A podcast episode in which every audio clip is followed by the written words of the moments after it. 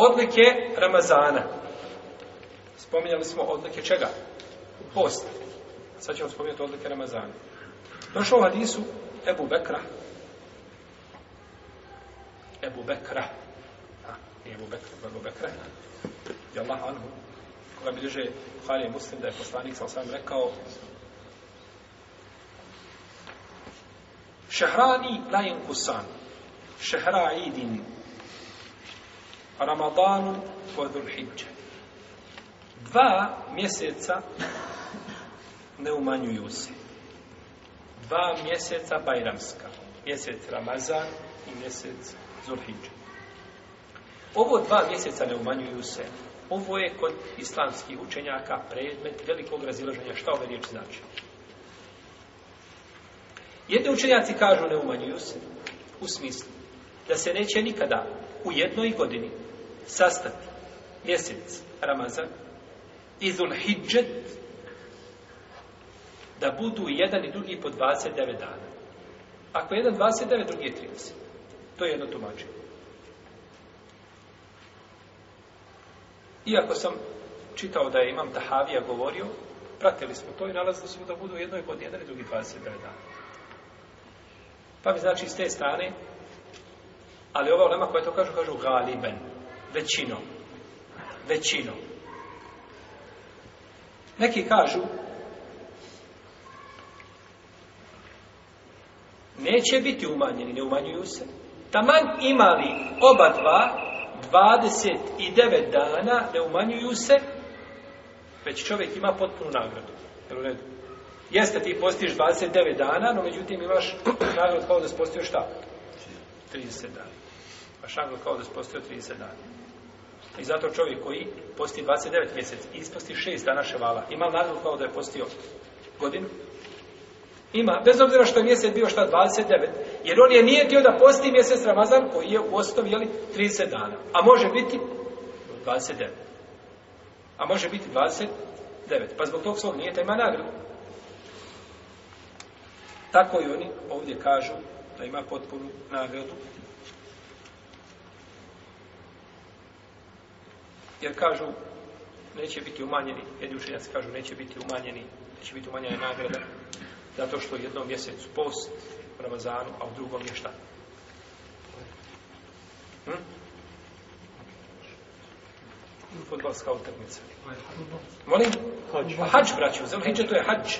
U Zulhidža to je hađ, za ljudi ne izlaze u osmog Zulhidžata i ja mu teruje na minu. Pa sutradan ujutro odlaze gdje? Dobro. Kad dođemo do hađa, pričat ćemo o tome. Zato što u jednom šta? Post, a u drugom hađ. Zato imaju, znači, posebne nagrade. Neki učenjaci kažu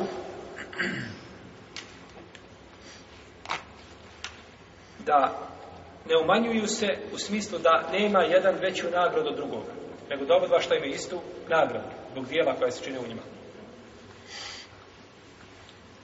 Možete uzeti to da prvi deset dana Allahu su najdraža djela u ti prvi deset dana u mjesecu Lidžet. A zadnji deset dana Ramazana mi šta posebno? Vrijednosti. Pa je prvi deset dana za Lidžeta, kako kaže šeho Islam i Lutajmije, bolji od zadnjih deset dana Ramazana. A zadnjih deset ramazanskih noći bolje su od prvih deset noći mjeseca šta?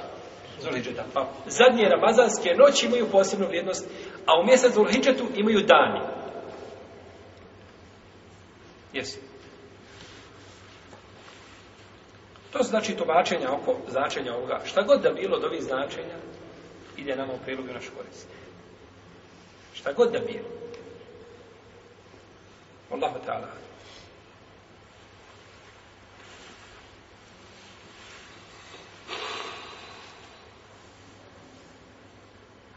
Došao je Hadis Ebu Horeira radijallahu ta'ala anhu kod Buharijeg muslima da je poslanik sa osaneme rekao kada nastupi mjesec Ramazan otvaraju se nebeske kapije i šeitani bivaju okovani a zatvaraju se džahenemske kapije.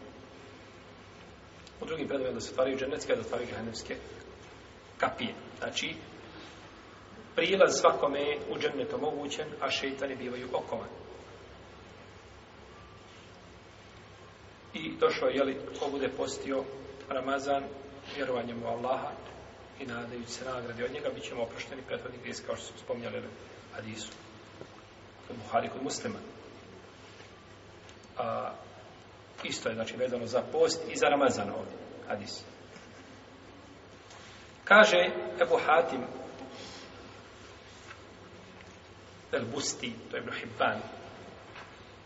Kaže, imanen men same Ramadane imanen.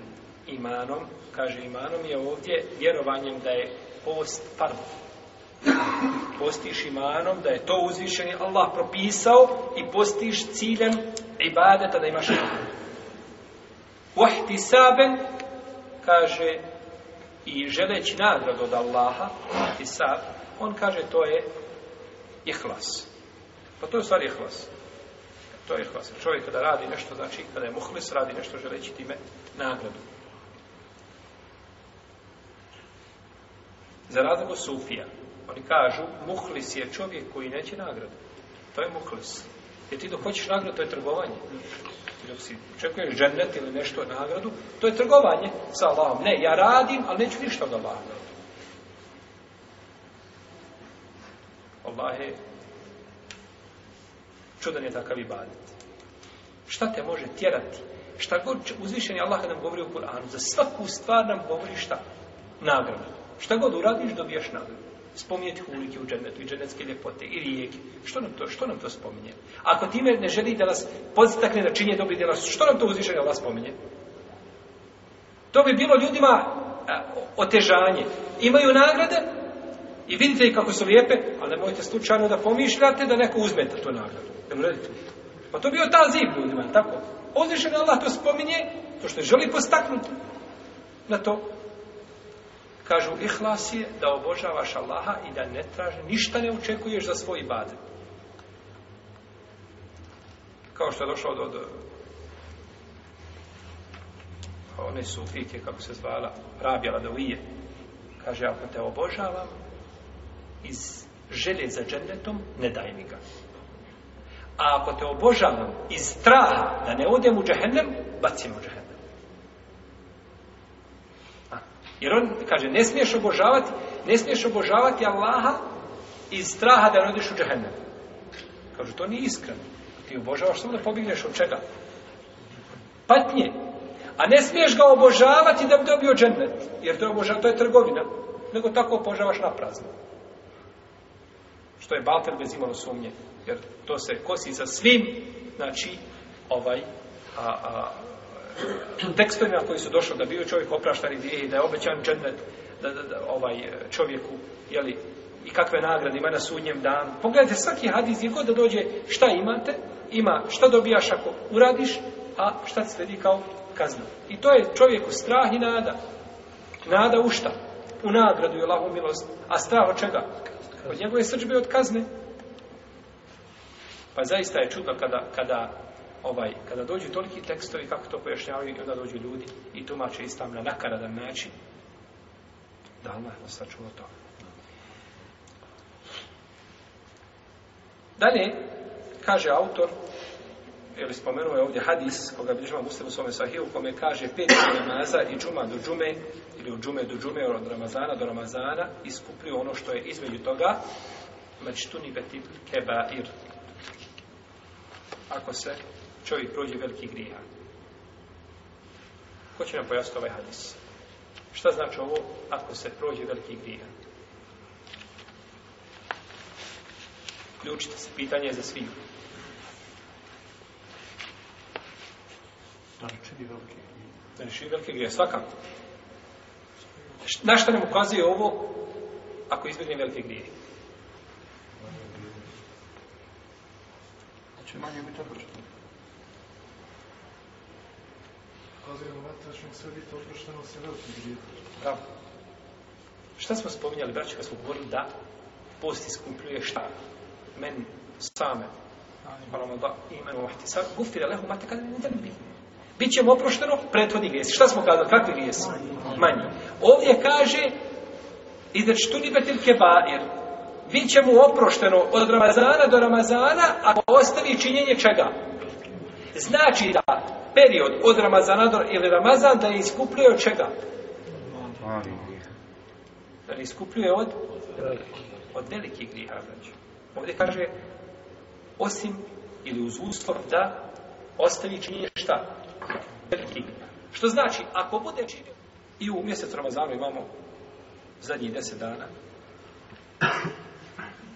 koji se posebno vrijedilo noći, imamo Lelatul Kadr, u temelju o čemu ćemo govoriti šal tala u našem klubu vrijedi o, o samom postu Ramazanu. Ovdje ćemo dodati još neke odlike koje autor nije spominjao, pa se ograničio na jedan dio njih. Odlike su brojne, uzvišen Allah te barek tala kaže šehr Ramadana ladi unzila fihi al-Qur'an hudan lin-nasi wa bayyinatin min al-huda wal-furqan kama shahida minkum shahr al-sum uzvišen Allah kaže u mjesec Ramazana je počelo objavljivanje Kur'ana on je putokaz ljudima i ja sam dokaz koji razdvaja pravi put od zablude pa je mjesec od odlika mjeseca Ramazana šta da je u njemu objavljen Kur'an. To autor nije spominjao, objavljen je Kur'an u njemu, kako kažem na Abbas, u vjerodostavnoj predaji na Dunjaluško nebo, nama najbliže nebo. A onda je 23 godine dolazio Džibril, ali se vam sa Kur'anom i objavljivao ga ili davao ga ili prenosio ga poslaniku sa Lovosanem po naredbi svoga gospodara za uđel. Prenosi se da je poslanik sallallahu alaihi wasallam rekao i ovu predaju bileži ima Mahmed i Tabarani i kaže šeha Albani da je dobra Neki hadijski stručnjaci su prigovarali. Kaže se, Ibrahimovi listovi su spušteni prve ramazanske noći. Tevrat je objavljen 6. ramazana. Inđil je spušten 13. ramazana, a Zebur 18. Dok je Kur'an spušten 24. ramazana. Spušten 24. ramazana. Gdje? Molim? Gdje je spušten? Na pa nebu. Jer Kur'an nije objavljen jedan put prethodne knjige su braćo razgledi Kur'ana i prethodne knjiga jesu što su prethodne knjige objavljene sve od jedan put. Za razliku od Kur'ana koji je objavljen, znači periodično. periodično. I to je bila šubha ovaj, nevjednicima, koji više ne vas pomnio u suri Al-Furqan. Dalje, u Ramazanu se klanja zajednički noći namaz. To je od odlika Ramazana, jel'i? poslanik je sallallahu posticao sahabe da klanjaju vitaravih namaz, ali nije to učinio obavezom. Dalje, Amr ibn Murra el Džuheni kaže da je došao čovjek poslaniku sallallahu sallam iz mjesta koje se zove Kuda i upitao o Allahu poslaniće, ako posljedočim da nema drugog Boga osim Allaha i da si ti Allahov poslanik i ako bude klanjao pet dnevni namaza i postio Ramazan i klanjao noćni namaz u Ramazanu i ako budem davao zekijat, u čijem sam društvu? Kad ono je rekao Rasulullah, sallallahu alaihi wa sallame, kaže ko bude ili ko umre, a činio je spomenuto, on je sa iskrim i sa šehidima. I ovaj hadis je vrlostan i bliži ga mi i drugi. Dalje, Ramazan je mjesec Kur'ana. On je mjesec Kur'ana u smislu da je u njemu objavljen šta? Kur'an I mjesec je Kur'ana u smislu da je to mjesec u kome treba posvetiti posebno pažnju. Jeli?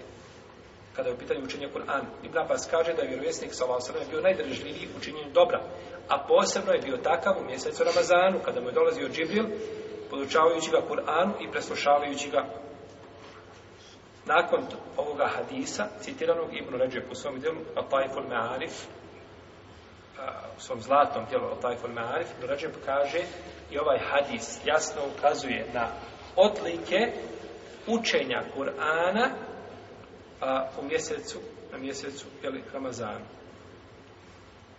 Jer je došlo u vjerodostojnoj predaji da je zadnji put pred smrt došao i preslušao ga šta?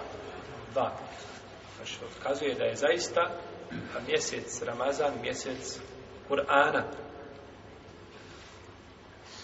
Mujahid prenosi da je Ali Ezdi svake, el Ezdi, svake ramazanske noći proučio jedan put Kur'an, a spavao bi između Akšama i Jacije. A poznati da bi Katade običavao je sedmično proučiti Kur'an, kada nastupi Ramazan, proučio bi ga e, proučio ga svaka tri dana, a u zadnjoj trećini Ramazana činio bi to svake noći. I ovo sve ima sa lancima prenosilaca i izvori e, predaja ovi. Ovaj, no, međutim, da se zamaramo s otim, samo da spomenemo uspud, znači ove predaje koje su jako korisne za čuti prenosi se da je El Esved svakog drugog ramadanskog dana proučio Kur'an, a mimo Ramazana činio bi to svaki šest dana. Svakog drugog dana u Ramazanu bi učio, a mimo toga svaki šest dana. A Esved je bio učenik čiji? Ibn Mesuda. Ibn Mesuda, baš tako. Alkame i Esved su dva najpoznatija učenika Ibn Mesuda, iako i drugi su svakako tu među njim.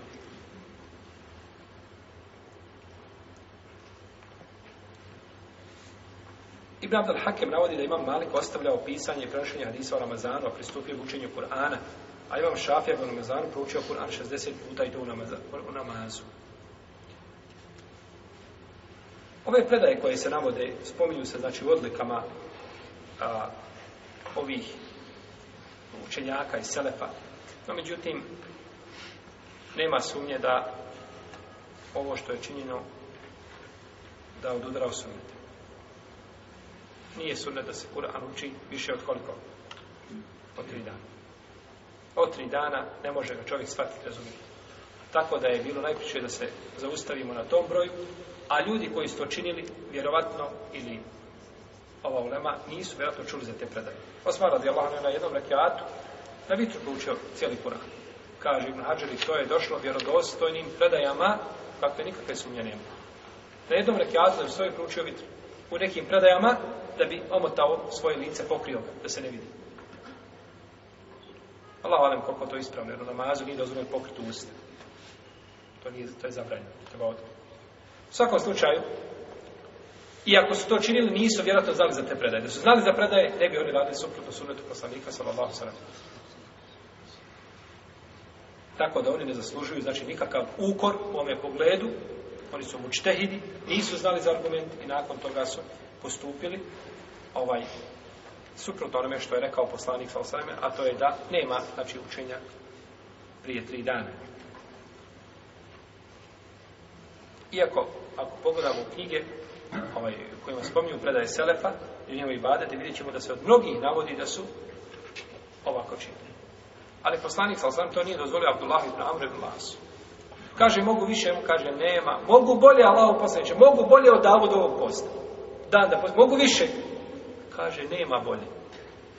Kada je ostario, kaže, kamo sreće da sam prihvatio olakšicu poslanika, sam vam bavio se. Kod Buharije predajem. Kaže, kad bio sam tada mlad, mogao sam, sada sam moje kosti oronule, ne mogu, a kaže, teško mi je da ostavim ono na čemu sam ostavio poslanika, ili na čemu me ostavio poslanika, sam kada preselio. Mm -hmm.